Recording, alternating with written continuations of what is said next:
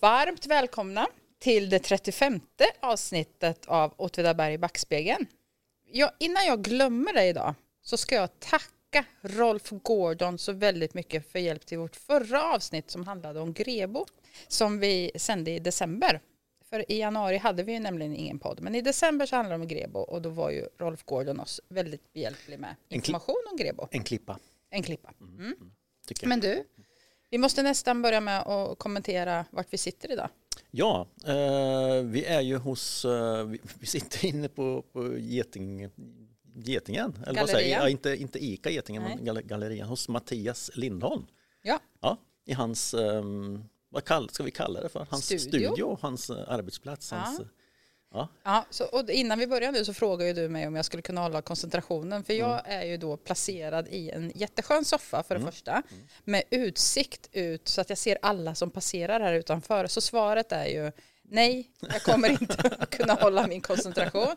Utan jag kanske kommer sitta och vinka och titta och sådär. Så Så om, att, om jag ser att du flyter iväg och börjar bli ouppmärksam då kommer då jag, kan du säga till mig. jag ger ett tydligt tecken. Då, Ja, så du kommer kan tillbaka skrika in. till Ja, helt enkelt. ja. Men vi har ju som sagt inte haft någon pods i januari. Och du tror jag mig veta haft fullt upp med en vinterutställning. Ja, men vi gjorde ju en, eh, Brukskultur Åtvidaberg gjorde en utställning som har varit väldigt välbesökt. Eh, sådär. Eh, till och med så välbesökt så att på senaste mötet så beslutade Brukskultur att göra en del två utav utställningen också som ska då eh, få lanseras i vår någon gång. Till påsk faktiskt. Mm. Så det kan alla se fram emot. Både de som var på första utställningen och de som missade den. Ja, precis. Så vet man att det kommer en, en utställning till. Ja. Mm. Eh, men idag ska vi ju inte prata utställning, nej. Utan idag ska vi ju ehm, prata... Vi, vi tänkte oss att vi skulle prata personhistoria idag. Mm. Levnadsöden. Ja. Ja. Eh, sånt har ju alltid fascinerat eh, oss. Ska säga. Ja, alltid intressant men Och då och då har det kommit in i andra poddavsnitt Ja, naturligtvis. ja, ja. Men mm, vi, precis. vi valde det fokuset idag. Mm. Precis. Eh, och jag tänker att vi kan väl vi kan väl gå på, rakt på sak här på något sätt. Och vi kan börja, Första personen. Ja, och vi kan ju börja längst bak i historien så att säga utav de eh, personer vi kommer att prata om. Mm, den som levde för längst länge sedan. Ja, men precis. Ja. Eh, och det här, det här är lite spännande för det här livsödet läste jag eh, i Björs, jag läste om det i Björsätters sockenblad nummer 4 2021. Vet du vad Björsätters sockenblad är? Mm, Nej, men jag förstår ju att det är ett, ett blad för, för Björsäters socken. Som jag tänker kanske inte finns kvar, eller? Jo då. Jo, det gör det. Ja, men så här är det. För Eh, socknen finns väl inte kvar? Jo.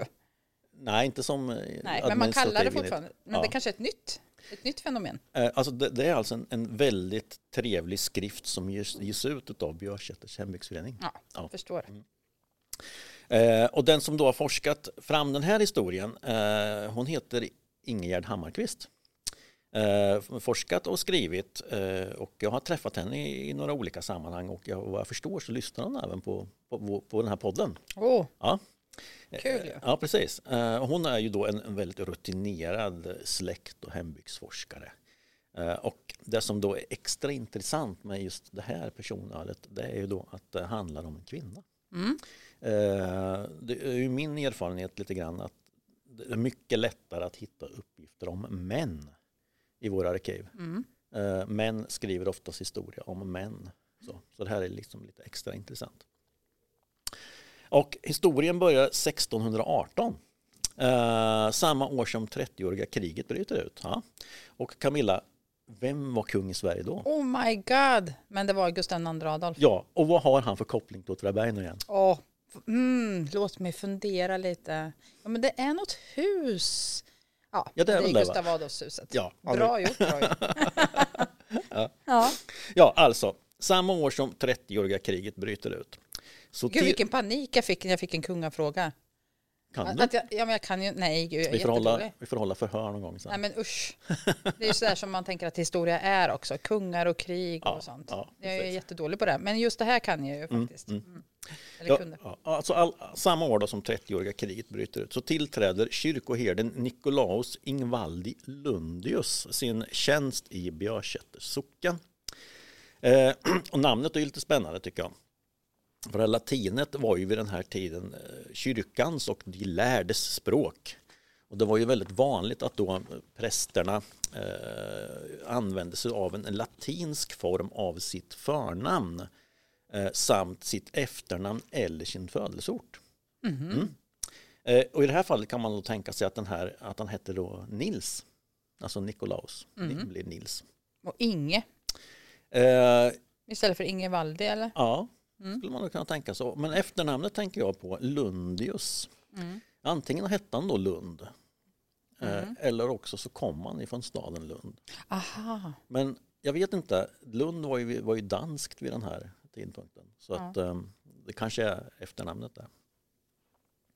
I vilket fall som helst eh, så blev han, eller var, han var eller blev gift med en kvinna som hette Margareta Olufsdotter.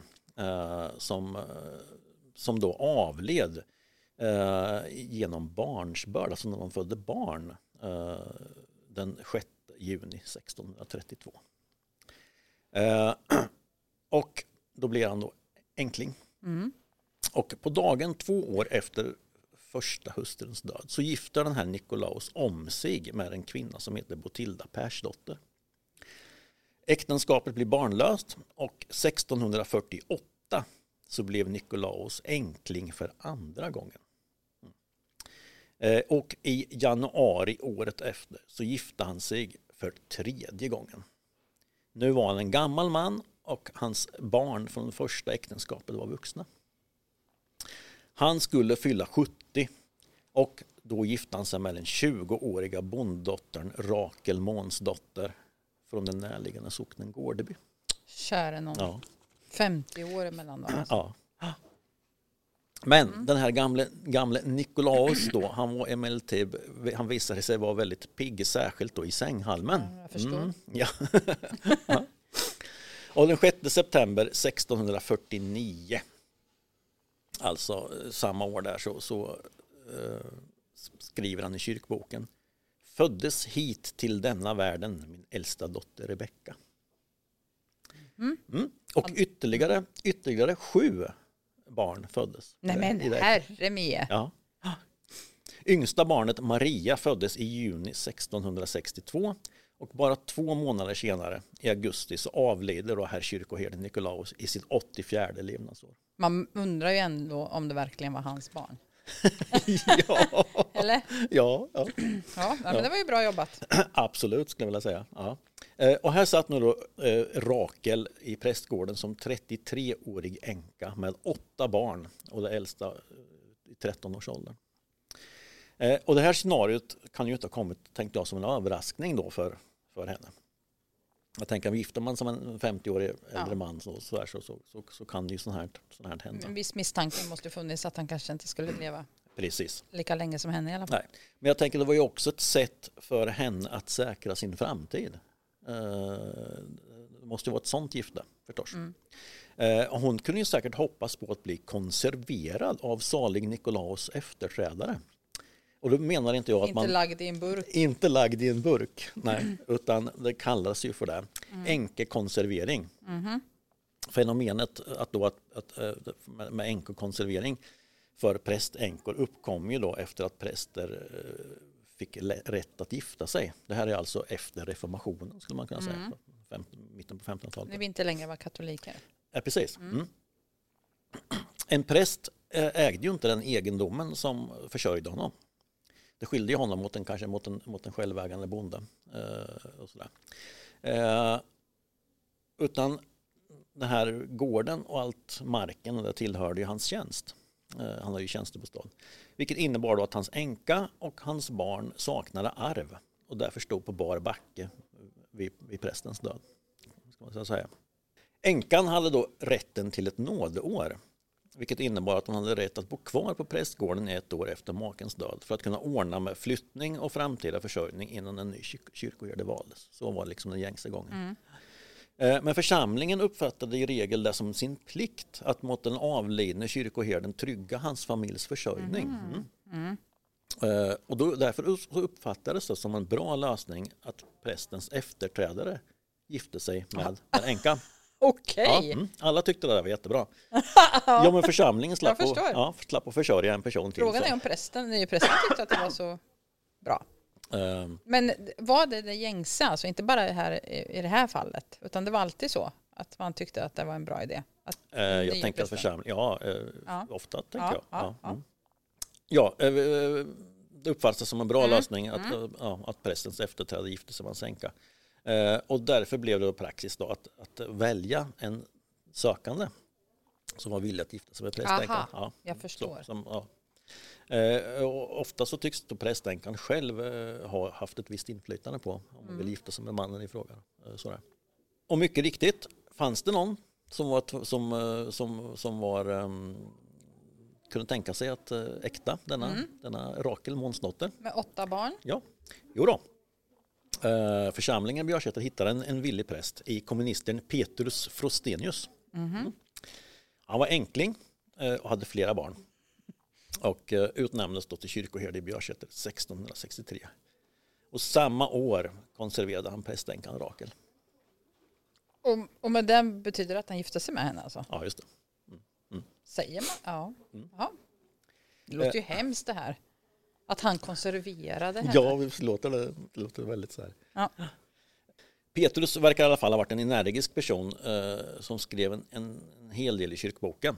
Eh, och här framkommer kommer det att han då, eh, att, åtminstone vill han starkt framhålla att prästgården var i ett uruselt skick. Trasig skorsten, ruttna golv, fönster som ramlade ur väggen. Ja visst, det verkar inte alls ha varit mycket med den här kåken. Eh, och så fortsätter uppräkningen med källare, visthusbod, vedskjul, hö, lada, gethus, svinhus och stall. Ingenting var vad det egentligen borde vara. Och här hade också funnits en badstuga som hade brunnit ner. Eh, Men som den energiske man han var så såg han till då att göra eh, reparationer och förbättringar och så byggde det nytt, nytt, nytt bland annat då en ny badstuga. Och här stundades det bättre tider, trodde man. Jag, jag måste bara fråga, den här Petrus han var lite yngre än sin företrädare. Ja, det måste han ha varit. Ja, han verkar väldigt energisk som sagt. Ja, men precis. ja. Ja. Eh, den 24 maj 1667 så inträffar katastrofen. Eh, vådaeld bryter ut i prästgården. Och alla hus brann ner utom den nybyggda badstugan. Och familjen blev utblottad och bokstavligen satt på bar backe. Han skriver så här i kyrkboken, eh, prästen här. Herregud nåde tröste mig fattig man som så hastigt råkat ut i en så stor olycka, ångest och bedrövelse. Och det kan man ju förstå. Mhm. Tur i oturen så hände det under den varma årstiden. Så familjen kunde klara överlevnaden under primitiva förhållanden. Men de fick hjälp med pengar och spannmål och återuppbyggnaden av prästgården kunde, kunde påbörjas i alla fall. Så.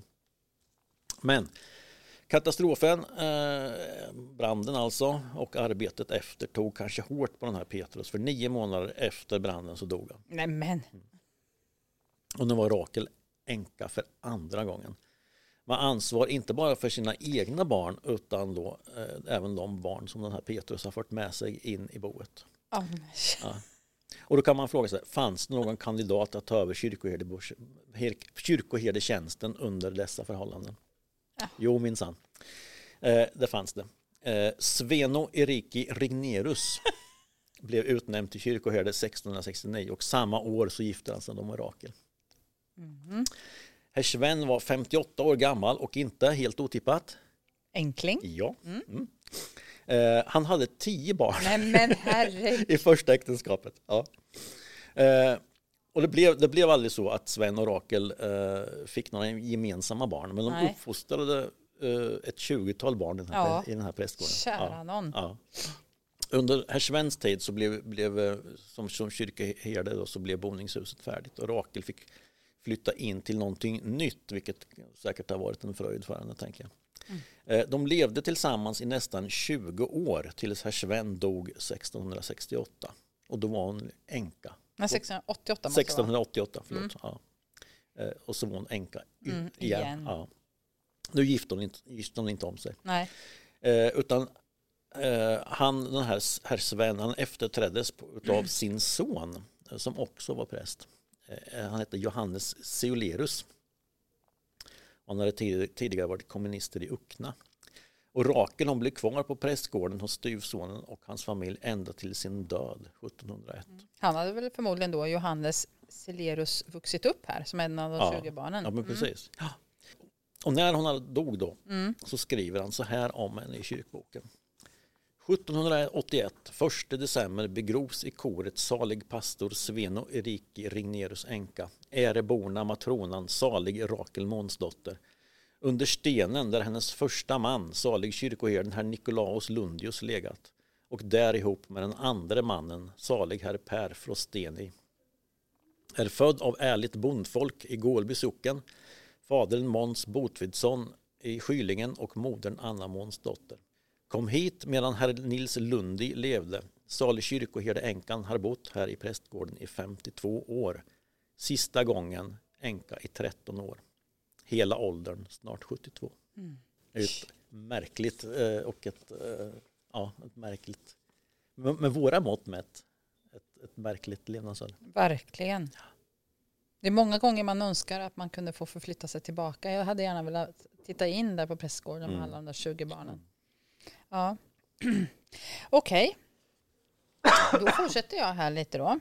Eh, och min del av dagens avsnitt har faktiskt blivit så att det har blivit begränsat till en bestämd geografisk plats och ett antal personer som en gång i tiden bodde vid den här platsen.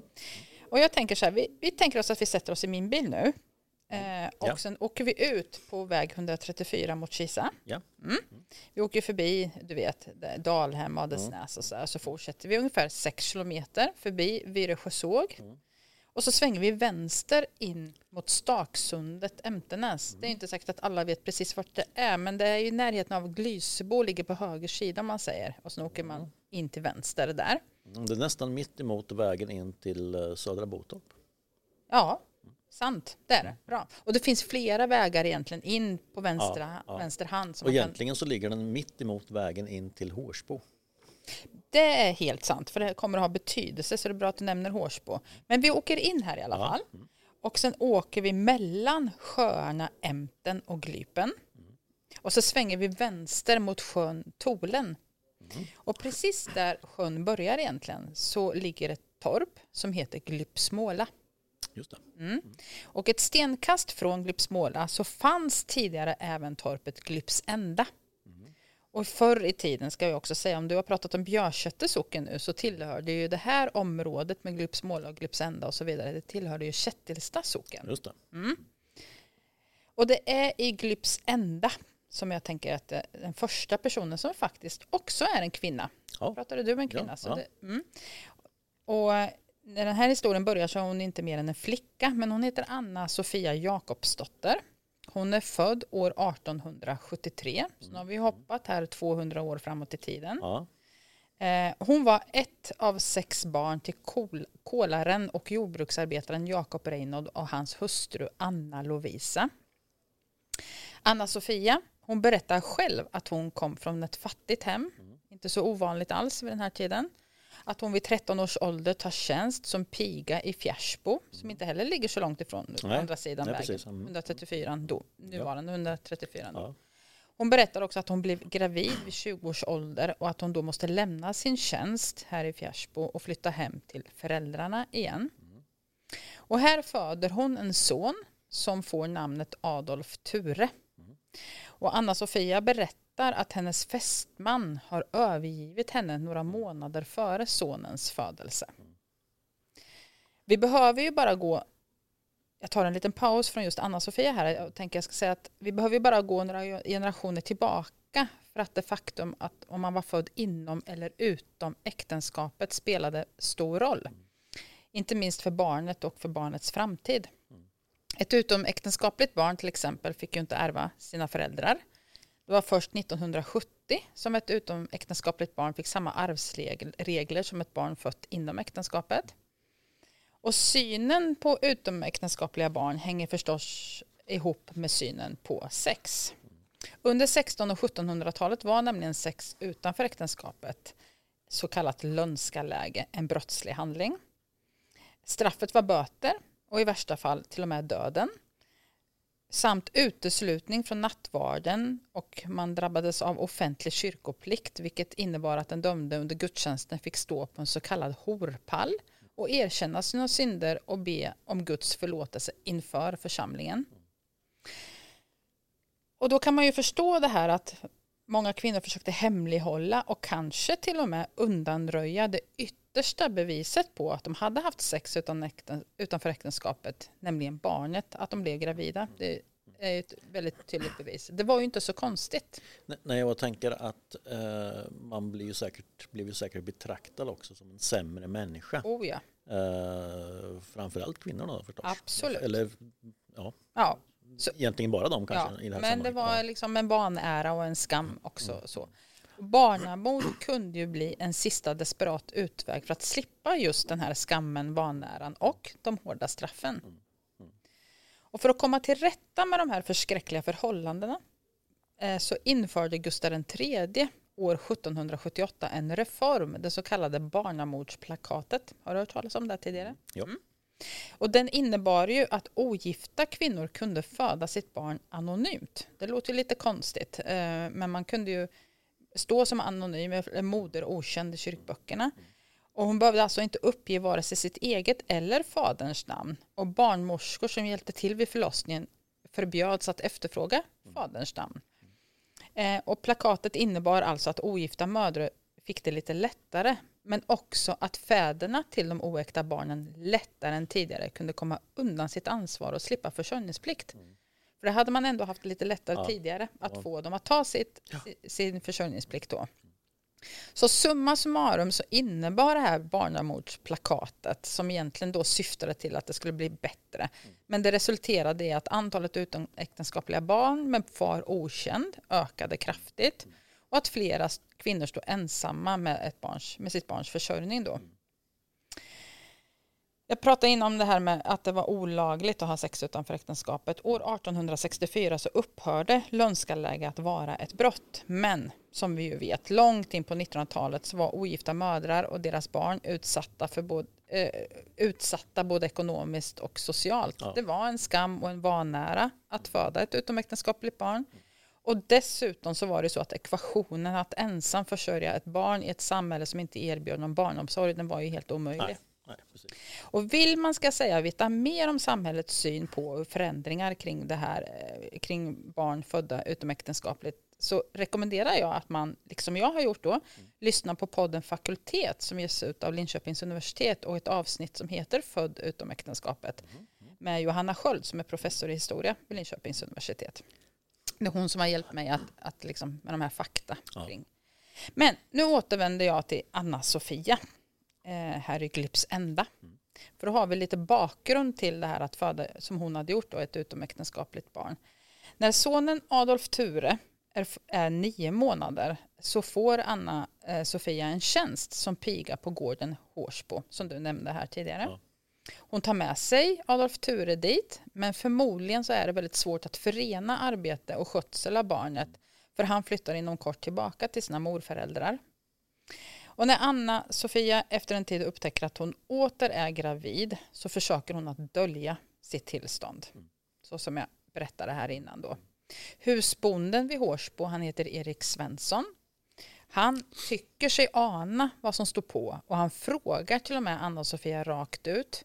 Men hon nekar till att hon ska varit havande. Om inte jag minns fel så är också själva nekandet i sig ett brott. Det får man heller inte göra när man får frågan. Eh, Nej. nej. Omkring klockan tre på morgonen den 25 februari så vaknar Anna-Sofia av födslovärkar. Hon sover ensam i köket i Hårsbo så ingen ser när hon försvinner ut och söker sig till avträdet, det vill säga dasset. Och här sittande på fjölen föder hon ett flickebarn som faller ner i den så kallade smutslåren. Anna-Sofia berättar att hon går runt och sen lyfter hon upp barnet som enligt henne själv då inte visar några livstecken. I skydd av mörkret går hon sen till laggorn och gömmer kroppen i gödselstacken. Hon återvänder till sin sovplats och ligger vaken till husbondsfolket kommer in i köket vid femtiden. Då förklarar hon att hon inte kan stiga upp då hon har drabbats av yrsel. Det går en stund, sen upptäcker husbonden Sven blodfläckar på avträdet. Han blir misstänksam. Han har ju tidigare misstänkt att eh, pigan här eh, väntar barn. Och han tillkallar drängen på gården. Och tillsammans så söker de här båda männen igenom alla utrymmen och klockan är åtta när de plötsligt hör små ljud från gödselstacken. Man finner barnet som är vid liv, naket och tillkallade genast barnmorskan i Kättesta. Hon meddelade att hon är upptagen, att hon inte kan komma. Och när barnmorskan från Åtvidaberg då till slut kommer fram till Hårsbo så är det för sent och barnet dör klockan tre på eftermiddagen. I mars så kallas Anna-Sofia till tinget i Kisa. Eh, och där jag har sagt att hon tidigare har, har berättat, det är ju det hon gör inför tinget här nu då. Det hennes, kom från hennes vittnesmål. Mm. Vid utfrågningen så erkänner hon att hon allt sedan hon förstod att hon var gravid har umgåtts med tankar på hur hon ska kunna göra sig av med barnet. För hur skulle hon, menar hon, kunna klara av att försörja ytterligare ett barn? Men hon hävdar att hon har inte planerat hur hon skulle gå tillväga. Husbonden, hans hustru och drängen som ju var med och letade då kallas till tinget för att vittna. Och husbonden han berättar att Anna-Sofia allt sedan hon kom till dem i oktober 1894 har varit en utmärkt tjänare. Pålitlig, redbar och duktig. Och att det skulle stå hårt till att få hennes like. Alltså att det kommer att bli svårt att hitta en mm. ersättare till henne. Hon hade, här citerar jag igen då, inte ens under den senaste tiden av havandeskapet visat någon nedslagenhet utan varit sitt vanliga goda lynne. Och det är klart, tänker jag, att hon har varit väldigt mån om att uppträda fullkomligt Normal. normalt. Mm. Hon döms till två års fängelse för barnamord. Och det kan väl också säga som parentes att barnamord alltså den brottsrubriceringen fanns ju bara för mord på utomäktenskapliga barn. Jag vet inte vad man kallar mord på, på inomäktenskapliga barn, om det var mord då. Mord. Mord, ja. Eller dråp. Dråp, precis. Men barnamord är förbehållet just eh, mord på utomäktenskapliga barn. Hon kommer att sitta i Kalmar länsfängelse. Och jag ska säga att jag har tittat i, i många svenska tidningar från den här tiden, bland annat Östgöten eh, skriver ju om det här barnamordet. Ja. Och hon omskrivs som varande en onaturlig och omänsklig moder som begraver sitt barn levande. Mm. Och namnges. Och namnges, absolut. Mm. mm. Det gör hon. Ja.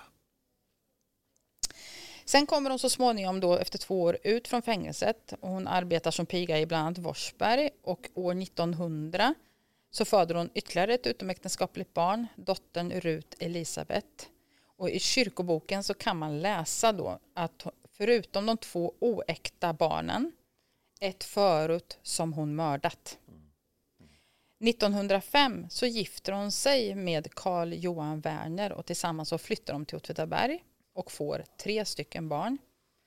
Och det här barnamordet då, det följer inte bara med i anteckningarna hos, i Anna-Sofias anteckningar i kyrkoboken. För det gör det, det följer liksom henne hela tiden. Utan även sonen Adolf Ture, när han år 1913 flyttar till Kristinehamn, så kan man läsa i kyrkboken oäkta son till Anna-Sofia Jakobsdotter som straffats för barnamord. Mm. De får ju den där stämpeln. De har den stämpeln. Ja, ja. inte bara hon utan även henne. Även, ja, precis. Och det som, det som äh, berör mig i det här Eh, det är ju då att jag har upptäckt att jag har en släktrelation till den här Anna-Sofia. Oj! Mm. Eh, det är alltså en, eh,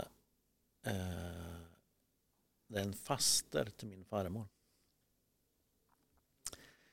och jag träffade aldrig min farmor. hon dog innan jag... Mm. jag kommer inte ens ihåg henne sådär. Jag har bara sett henne på bild. Mm. Eh, men jag har hört av mina släktingar att hon, att hon var en ganska Hon var en allvarlig och eh, religiös kvinna. Mm. Eh, och jag tänker att hon hade fått uppfostra sina syskon och blev som en slags ställföreträdande mor till dem jag har förstått. Och sådär. Men jag tänker också att, den, att hennes allvarlighet, hennes allvarliga kynne på något sätt det kanske också hän, hänrör från den här historien. Det är Mm. alltså hennes, hennes faster Mm. som, som då eh, begår det här brottet och, och, och eh, som får den här stämpeln som barnamörderska på sig. Det är klart sånt spiller ju säkert över även, även där.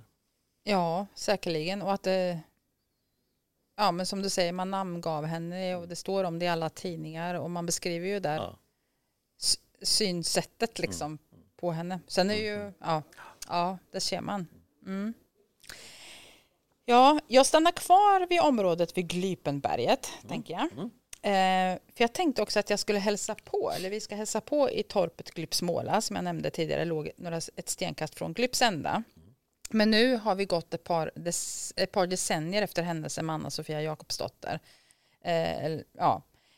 1937 så kommer det nämligen en ny arrendator till torpet. Mm. Då har det stått tomt tror jag i två år. Eh, och till torpet så hör det då fem hektar mark. Arrendatorn som kommer, och han arrenderar ju av baroniet, för det här hör ju till baroniet Ja. på den tiden, Kättelsta, delar av Kättelsta socken. Han heter Ernst Hultman. Han är 43 år när han kommer inflyttande här. Han hade gift sig 1929 men skilde sig redan 1933. Och Annie, hans hustru, hade varit gift tidigare och hade två döttrar. Men äktenskapet mellan Ernst och Annie förblir, alltså blir barnlöst så han har inga barn. Han flyttar in själv här. Och de inledande åren så bor i Grypsmåla även hushållerskan Gerda och hennes två oäkta barn. En son och en dotter. Samt en man som heter Gustav Werner Nyberg som är jord, tituleras jordbruksarbetare. Och så är det en del andra personer. Men just den här Nyberg eh, har jag fått berättat för mig. Han fanns kvar under hela tiden som Ernst kom att bo där.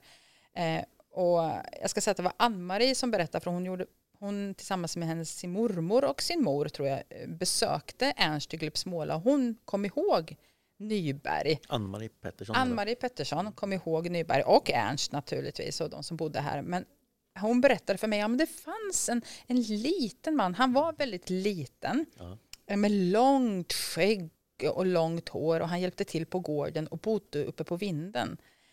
Och, och jag letade, han sa, hon sa han såg ut som ett litet skogsrå. Och han, eh, han gav vid något tillfälle Ann-Marie en present och han eh, åkte ut med henne på Glypen eller Tolen och fiskade vid Mm. några tillfällen.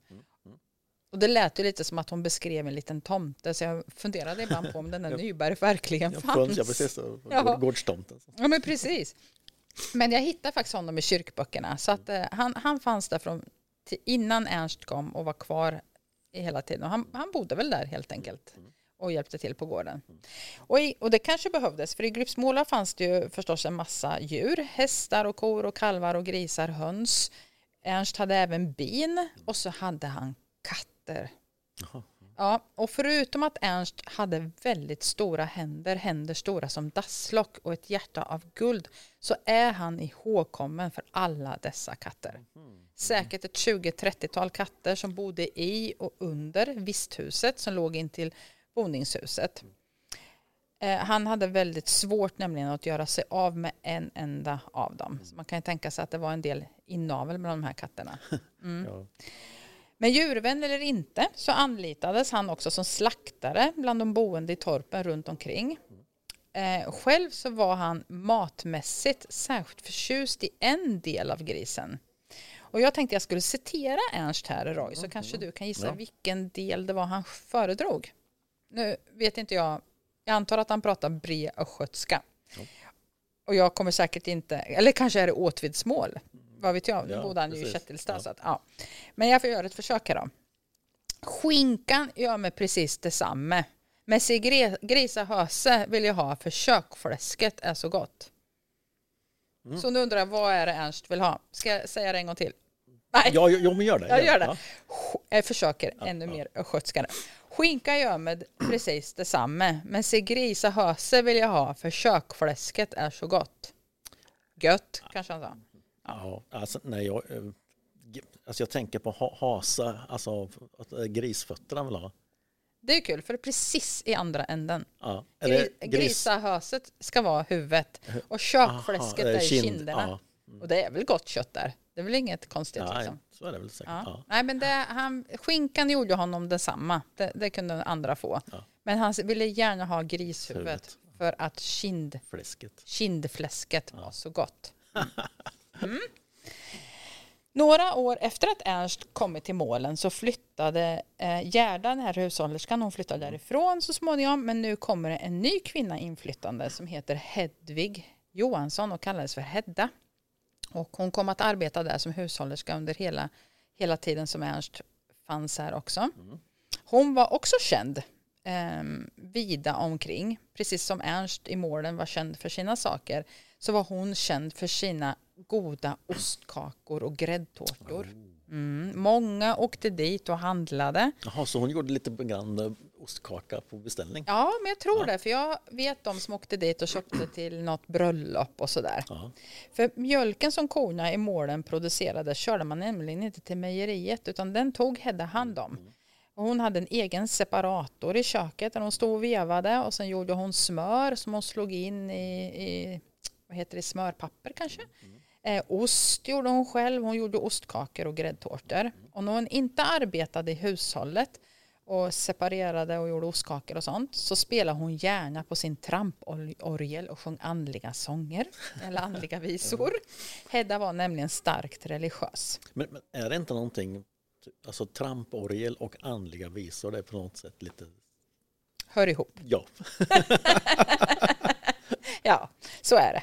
Men Hedda var också sjuklig. Förmodligen så led hon av gallsten. Och för den så lär hon ha ätit kokt mört. Det låter jättegott. Nej, det gör det inte. Och jag tänker att kokt mört innehåller dessutom en massa ben, mig vetligen.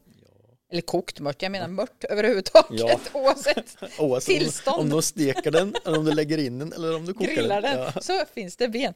Ja. Men förhoppningsvis att hon åt kokt mört då, som hon lär ha gjort då, så var inte det ett resultat av att Ernst vaktade sina, fiskevatten som en hök, hoppas jag. För det gjorde han Aha, nämligen. ja. Det var ingen som fick eh, så, fiska i dem. Han tog hand om abborre och gädda. Hon Han, tog, hon fick mörten. ja, mört. Så kan det ha varit, jag vet inte. Eller om det är särskilt bra med just mört när man lider av gallsten. Eller kanske fanns en sån här, du vet, som man trodde, en sån här husmors... vi slänger ut den frågan, tänker jag till de som lyssnar. Mört, är det bra mot gallsten? Mm. ja. Varannan lördag så gav sig Ernst in till Åtvidaberg för att sälja ägg och smör och grädde, ostkakor och tårtor och för att handla. Han tog båten över Tolen och så cyklade han in till Åtvidaberg. Och på cykeln så hade han en stor trälåda med särskilda fack för äggen. På vägen stannade han kanske till hos skogvaktare Arne Dahlgren i Åbacka där han sålde av den här nyseparerade grädden. Det minns sonen Anders Dahlgren att Ernst ofta gjorde. Och i Åtvidaberg sen så åkte han ju runt till, till sina kunder och sålde. Och Ann-Marie igen då, hon berättar också att han brukade komma till kolkammaren som ju ligger vid Gamla torget. Där, An, Där- Ann-Marie bodde som liten. där hon bodde som liten, precis. Ehm, han brukade komma dit. Ehm, och det hörde till då när, han, när de hade köpt äggen och det här att man skulle bjuda Ernst på kaffe och smörgås. Aha. Det hörde också till att han skulle krusas. Ja. Det är redan roligt. Att han skulle krusas och trugas. Inte en gång, utan gärna kanske fem, sex gånger. Och Ann-Marie minns då också vid något tillfälle så hade hennes mormor, som jag tror var den som bodde i kolkammaren också, inte tid att krusa. Så han åkte hem utan kaffe och smörgås. Och han kom sen inte tillbaka på flera veckor. För han, han var sur alltså. Jag, jag får men det där var ju likadant, kommer jag ihåg när jag som liten var på kaffekalas hos mina gamla fastrar. Liksom, de Ja. ställde fram Ja. jättegott fikabröd, men ingen tog. Nej, Utan det skulle liksom, ta här och sen så tog ingen som tog det. Så måste åtminstone truga en tre gånger i alla fall innan, Ja. innan någon Och idag pratar vi mycket om energi, energitjuvar. Jag tänker det här var väl energikrävande att hålla Ja. på. Och att det liksom var en del i det hela. Men som sagt, Snacka om ritualer. ja, precis. När han återvände då till, till Gruppsmåla eller Målen efter att ha varit i Åtvidaberg så hade han alltid med sig, sägs det, ett par flaskor sockerdricka till Hedda. Mm. Och hon tyckte mycket om sockerdricka förutom den kokta mörten då. hon kanske svalde ner den kokta mörten. Kanske behövdes sockerdricka till kokt mört. Så är det nog. Ja. Och de här tomglasen efter sockerdrickan förvarar han sen på övervåningen i magasinet. Och med åren så lär det ha blivit flera hundra tomglas. Och Ernst brukar säga att han en dag skulle ta en droska så skulle han åka in till Åtvidaberg och sälja de här tomglasen. Och han skulle bli en förmögen man. Men innan han hann att göra det så sänktes panten i ett slag från 10 till 5 öre. Och därmed så halverades ju också förmögenheten som han skulle Gäller tjäna. göra slag i saken. Han skulle ha gjort slag i saken tidigare. Och det var nog just i Åtvidaberg som Ernst befann sig på morgonen den 16 januari 1951. När ett svenskt militärflygplan av märket Vampire J28A kom flygande på låg höjd över sjön Glypen. Det i sig var inte så anmärkningsvärt. Allt sedan kriget hade tagit slut fem, sex år tidigare så hörde det till vardagen att se militärplan komma farande, gärna på låg höjd. Det fanns ju dessutom, det fanns ju, ska jag säga så här, dessutom väldigt mycket militärflyg om jag har förstått i Sverige på den här tiden. Och någon har sagt att vi var den fjärde största innehavaren i världen av militärflygplan. Flyg har ju alltid varit en svensk gren om man uttrycker det. Det här är ju då en, eh, en engelsk, engelsk modell, en modell som ja. det första svenska jetplanet faktiskt. Aha. Mm. Och gång efter annan så hade grannarna i torpen runt omkring här och sagt till varandra att en dag skulle ju ett plan krascha mot Krypenberget eftersom de flög så lågt då. Att det var en grej att flyga in lågt. Och klockan, klockan nio, tio minuter över nio vid Bråvalla flygflottilj i Norrköping satte sig då den 22-årige kadetten Börje Krok i det ensitsiga planet av märket Vampire. Tillsammans med tio andra plan skulle han ge sig ut på en så kallad navigeringsflygning på sträckan Norrköping-Vimmerby, Västervik-Norrköping. Så han skulle flyga liksom en runda där. Då. Och den anbefallda flyghöjden var 150 meter. Det är ju göra lågt. Nej. Eller hur? Ja, det är helt sjukt. Och flygningarna, var de 11 plan, men flygningarna skulle utföras enskilt. Och några minuter efter starten så kolliderade Krok med Glypenberget. I krigsarkivets handlingar så kan man läsa att anledningen till kollisionen har varit att flygplanet kommit in i ett område av låga, på enstaka platser nästan marknära moln. Ernst var som sagt inte hemma just den här dagen och jag kan tänka mig att det nog, även om det här var en tragedi, så grämde det honom. Alltså här var han ju ute i Glupsmåla var eviga dag. Och så åker han en dag varannan vecka in till Åtvidaberg och då störtar det ett plan. Det är ju ändå en händelse. Ja. Störtningen bevittnades nämligen också av fem män som bodde i trakten och som genast skyndade upp på Glipenberget trots att det då var en halv meter snö. Mm. Och de intervjuades ju då i tidningen dagen därpå. och lantbrukare Gösta Svensson var till och med med på bild. Lantbrukare Gösta Svensson från Tolemåla ska jag säga. Och han berättar att det var fotogenlukten som ledde dem rätt på berget som ju då var täckt av snö. Och på platsen så hittade de ett landningshjul men i övrigt så var det bara smulor kvar av planet. Mm. Det var ju en fruktansvärt, det är ju totalhaveri. Mm. Um, polis och läkare larmades och kom snart till platsen. Och lite senare så anlände också haverikommissionen som just kunde fastställa att planet var totalförstört och piloten naturligtvis död. Ja, hemskt. Mm. Och jag förstått det här planet så, så var det ju ett, tydligen ett lättfluget plan. Mm. Uh, sådär. Uh, mm. Men, men den hade ingen, hade ingen katapultstol då som, som eh, som senare modeller har, Nej, har införde. Så att ja. i det här fallet fick man alltså vända planet. Skulle man ur planet fick man vända upp och ner och sen släppa sig. Nej. Med fallskärm och så ner har jag Ja. det hann han inte göra här. Nej, absolut, nej. Han överrumplades nog av bergen där. Ja, jag tror... 150 meters höjd. Ja, det är ju inte klokt. Nej. Och jag tror att han hade inte gjort jättemånga flygningar i just det här planet heller innan. Utan det var Ja, tragedi. Ja, det är verkligen. Eh, jag tänker vi vandrar in till Åtvidaberg igen. Mm. Eh, eh, och det här är ju en, en, en person och en, och en händelse faktiskt som är förknippade med varandra eh, och de är ungefär samtida lite grann med dina, Mm. med dina eh, berättelser, dina personer här. I, i tidningen Östgöten som då vi, vi förvarar i, i Facettens arkiv så kunde man då den 10 juni 1918 läsa följande artikel med rubriken En kupp i Åtvidabergs industrier. Den stora industrisammanslutning som förvaltas av aktiebolaget Åtvidabergs förenade industrier har i dagarna varit föremål för en kupp som störtat såväl styrelsens ordförande friherre Theodor Alsvärd samt bolagets verkställande direktör Fredrik Bille. Ja, vad hade hänt? Ja, vad hade hänt? Ja.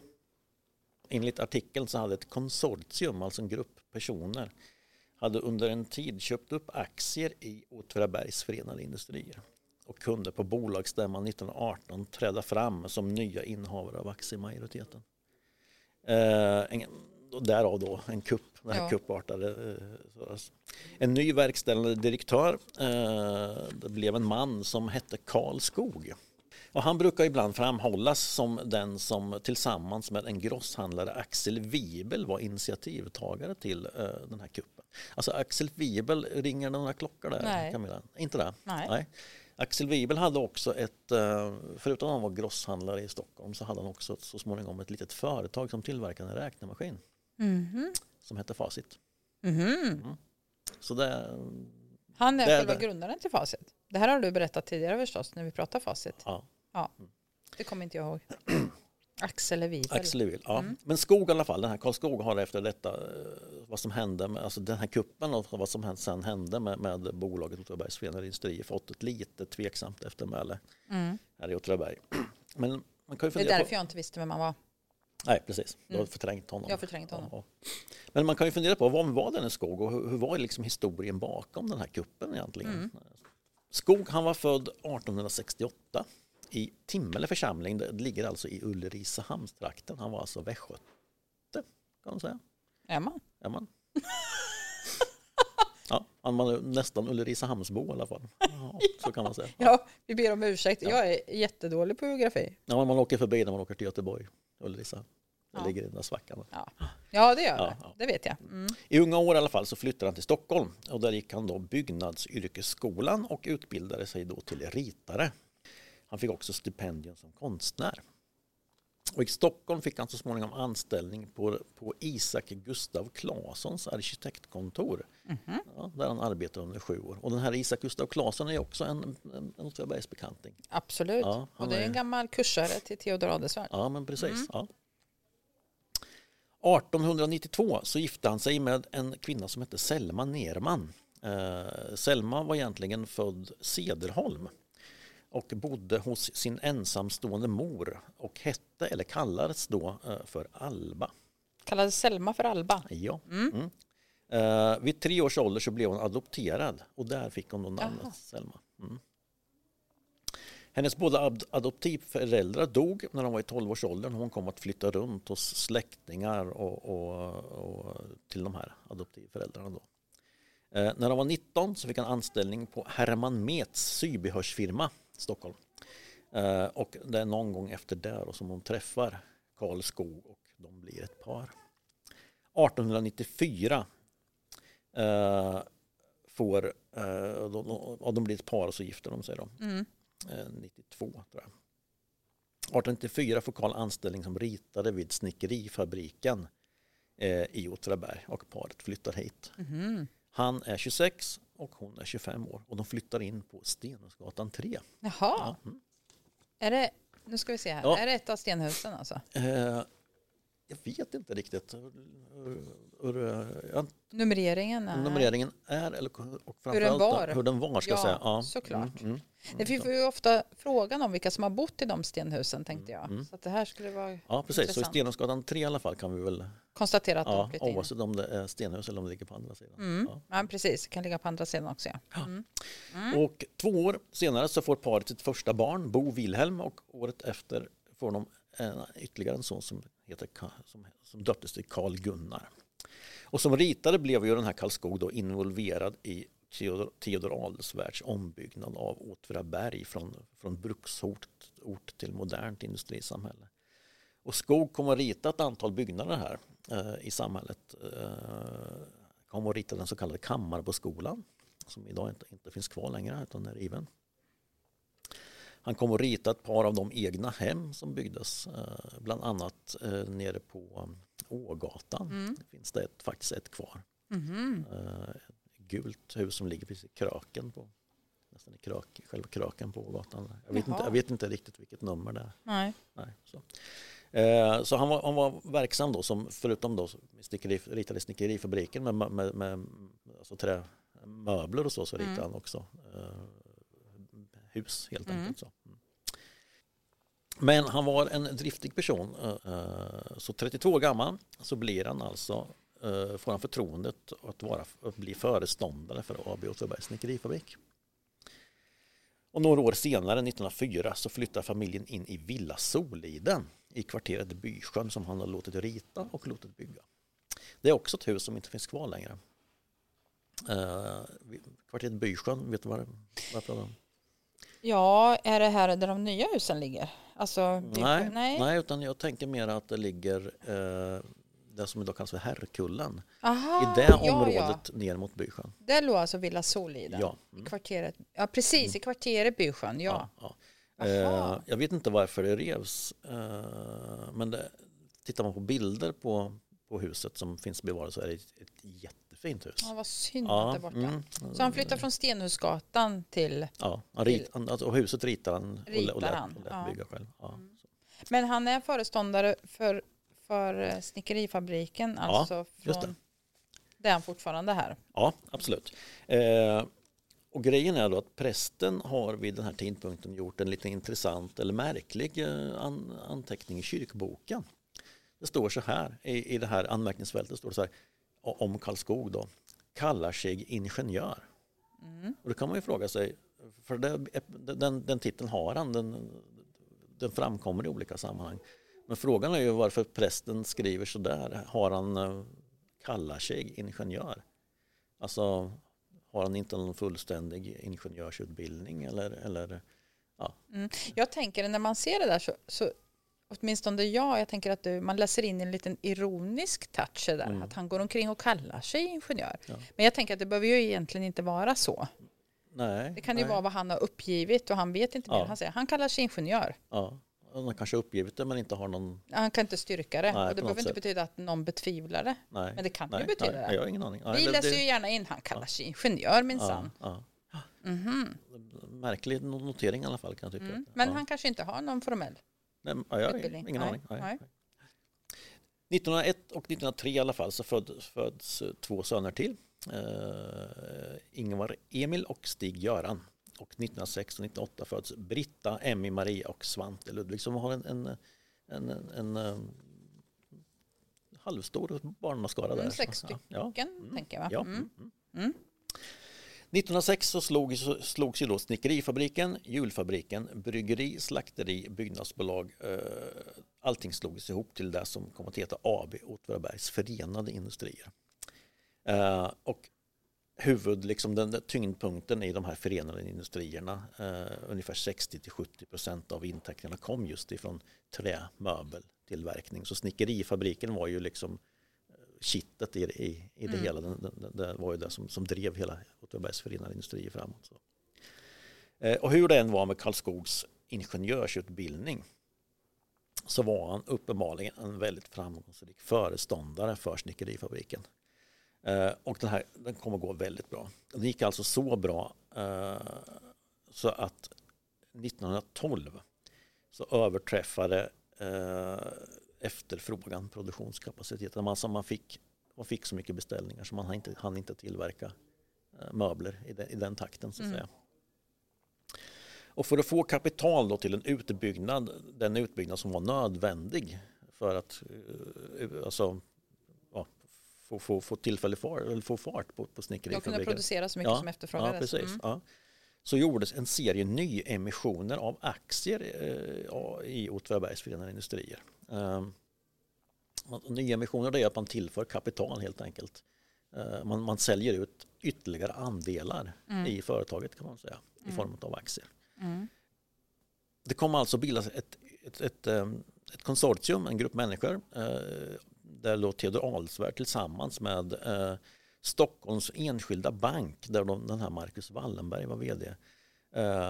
De kommer att köpa, ehm, köpa de här nyemitterade mm. aktierna.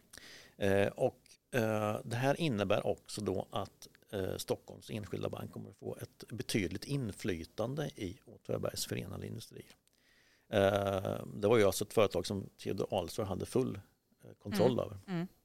Men då som man i det här läget eh, tappade eh, till, till, en, till, en, hel del av eh, så. Ja, han tappade menar du till banken då? Ja, alltså ja. banken kommer in och som, mm, som, köper som, upp de här aktierna. Ja, köper ja. upp aktierna och då mm. har han liksom inte full kontroll över företaget Nej, längre. Precis. Mm. Och han är ju också i, det här, i, det här, eh, i den här tidpunkten är ju också adelsvärd. Han är ju finansminister i Sverige. Mm. Uh, han sitter i Karl Staaffs regering uh, och har säkerligen fullt upp men det, han har ju tidigare han har alltså varit verkställande direktör mm. i bolaget. Nu blir jag tänker han måste ju också ha godkänt det här att de ska utvidga, alltså att de ja, måste få in kapital. Ja, det, är, är på hans, ja, det är på hans ja, initiativ ja, tänker precis, jag. Absolut. Men du så tänker också att han, att han inte... Ja, men liksom för att kunna få det så, så måste han också avhända sig eh, en, en, del av kontrollen i företaget. Så, eller man, så kan man säga. Och eh, som, som ny vd då, i bolaget istället för Adelsvärd, han blev mm. styrelseordförande. Mm. Eh, så tillsätter då eh, Stockholms enskilda bank sin man som då heter Fredrik Bille. Mm. Ja. Eh, den här Fredrik Bille han var en grosshandlare från Stockholm han hade varken koppling till Åtvidaberg eller till träindustrin. Han hade liksom ingen erfarenhet av det här. Karl Skog då, som då hade varit den verkliga organisatören av snickerifabrikens och, hela, egentligen hela Åtvidabergs förenade industriers framgångar kände sig förstås åsidosatt och väldigt bitter i det här, i det här läget. Undrar vad det önskvärda scenariot egentligen var då? För att de gjorde ju det här med öppna ögon. Alltså att de, att de, hade de inte, jag tänker på vilket sätt känner de sig lurade tror du? Du tänker på Skog? Ja. Ja, han, har ju, han hade ju förstås förväntat sig att han skulle, att få, han skulle få den här få posten. verkställande direktörsposten. Han har väl säkert sett, sett fram emot den med sin kunskap eh, ja, och, och, och, sitt, eh, sin, eh, sin drivkraft. Ja, som, jo, men det då, förstår jag. Ja, och mm. alldeles egentligen oavsett det här ja. Eh, aktie, att man släpper aktier och att de ja. köper upp. Men jag tänker, hade man inte sett det komma, att det skulle kunna vara en bank som går in och köper upp alltihopa? Och att de då ja, får de så stort inflytande? Inte allting. Nej. Men hade ju fortfarande ja, ett, ett betydligt inflytande. Men, men, men han, hade ju, mm. han hade inte full kontroll över företaget Nej. längre. Nej, så att de kan liksom krävas att få sätta en person som... Ja, de, de gjorde uppenbarligen det ja, ja, eh, i det här fallet. Mm. Eh, sådär. Eh, I vilket fall som helst så skriver då Karl Skog ett brev till Adelsvärd i det här tillfället.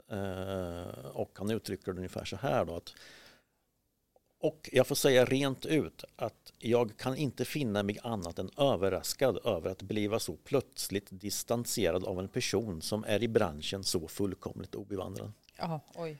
Han, han uh, ger inte mycket för den här Nej, Fredrik vad jobbigt. Ja, ja. ja, det kan man absolut förstå. Och så ska han då jobba tillsammans eller under honom? Ja, men precis. Ja. Så, så är tanken. Eh, som kompensation då så, får, så blir då Skog erbjuden en styrelsepost i Åtvidabergs förenade industrier. Vilket han tackar nej till. Mm -hmm. mm.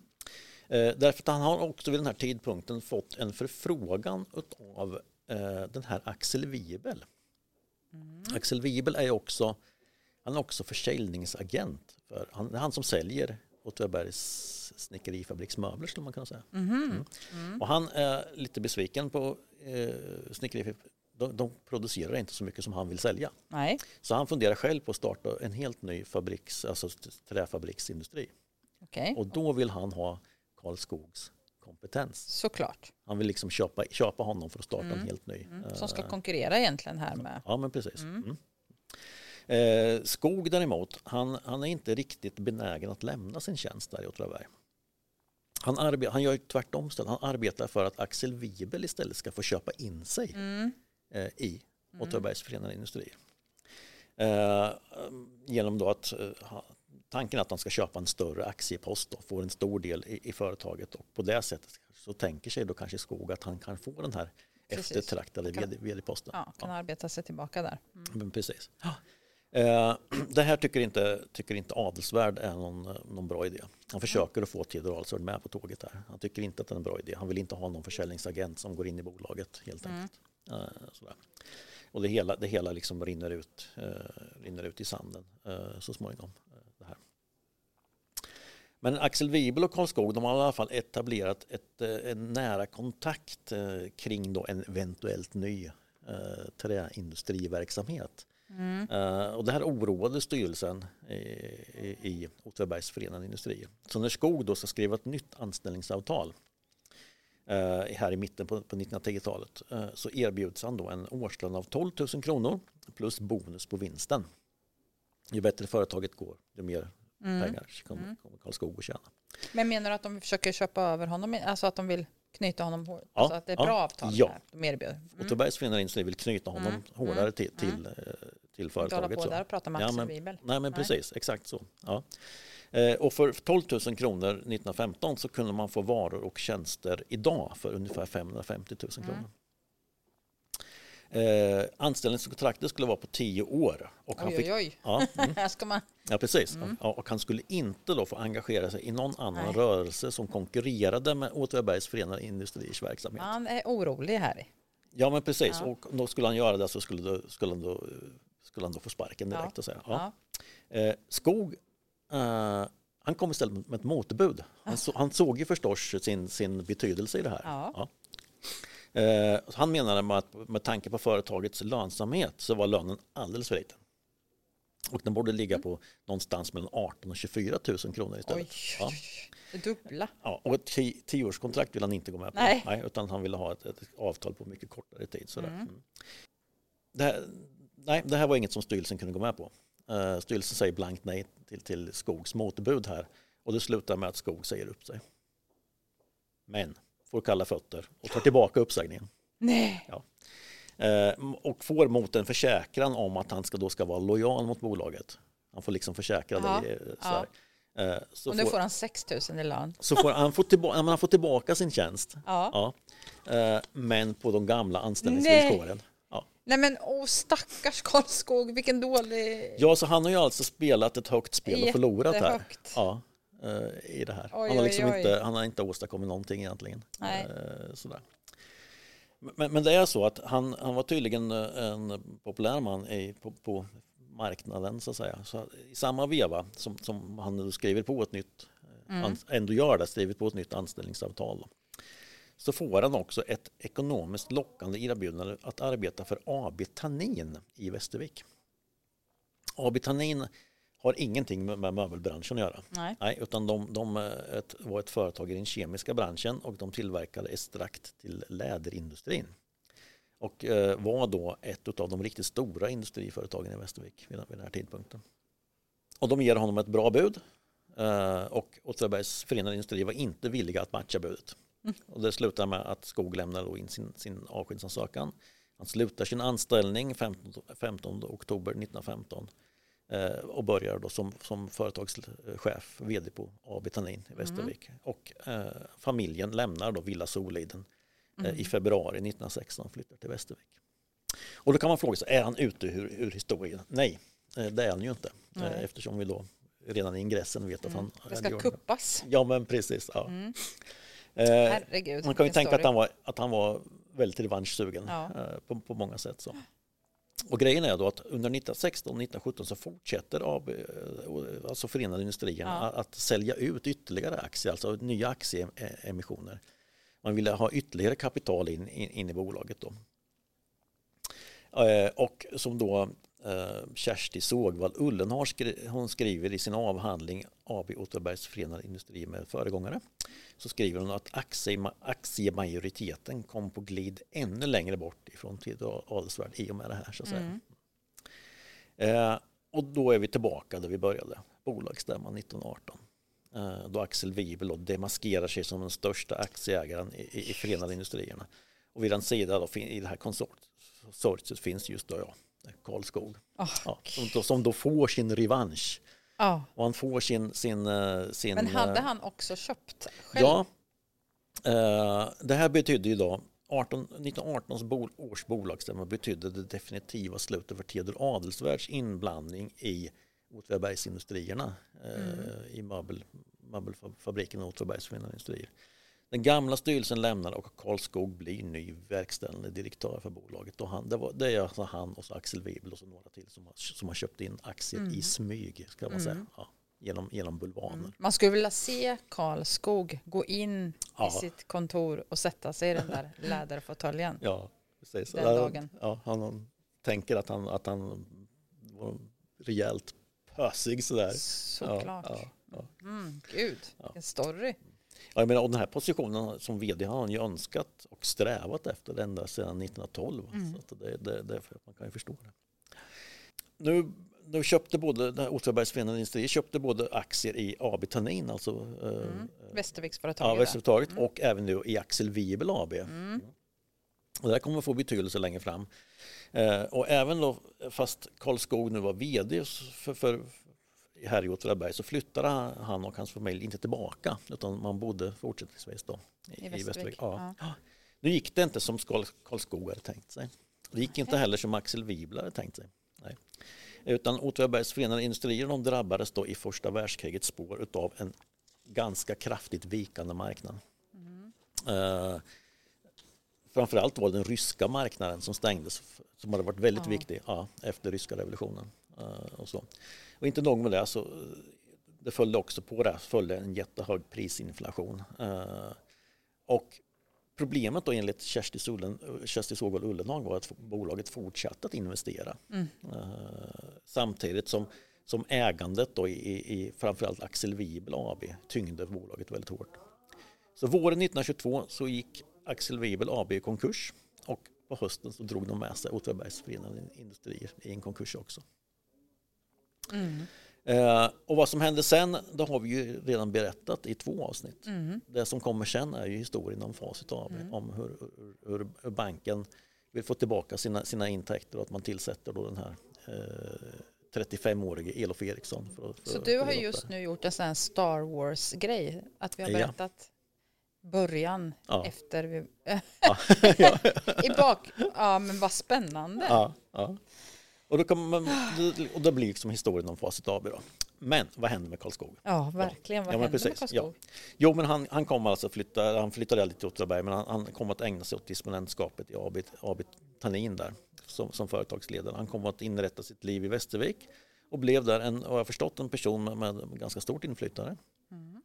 Eh, förutom att han, var, att han var industriledare så var han då fram till 1930 också politiskt engagerad eh, eh, och satt i stadsfullmäktige i Västervik. Han var också byggnadsnämndens ordförande förstås, tänker jag. Och satt i, involverade sig då i olika stadsplanerings och byggnadsfrågor. Bland annat så gjordes det en helt ny stadsplan 1927 som man, som man tydligen har, har spelat stor roll för. Då, så att säga. Han hade också en mängd olika förtroendeuppdrag, bland annat i, i Västerviks skolvärld och i, i sjukhuset ehm, i Västervik. Då. Men eh, påsken 1935 eh, så, så, ådrog, så drog han på sig lunginflammation. Eh, och eh, den här lunginflammationen fick ett eh, ganska kraftigt och hastigt förlopp. Eh, vilket då gjorde att, att han eh, avled eh, väldigt fort Mm. på påsken 1935. Endast 67 år gammal. Mm. Kära någon. Mm.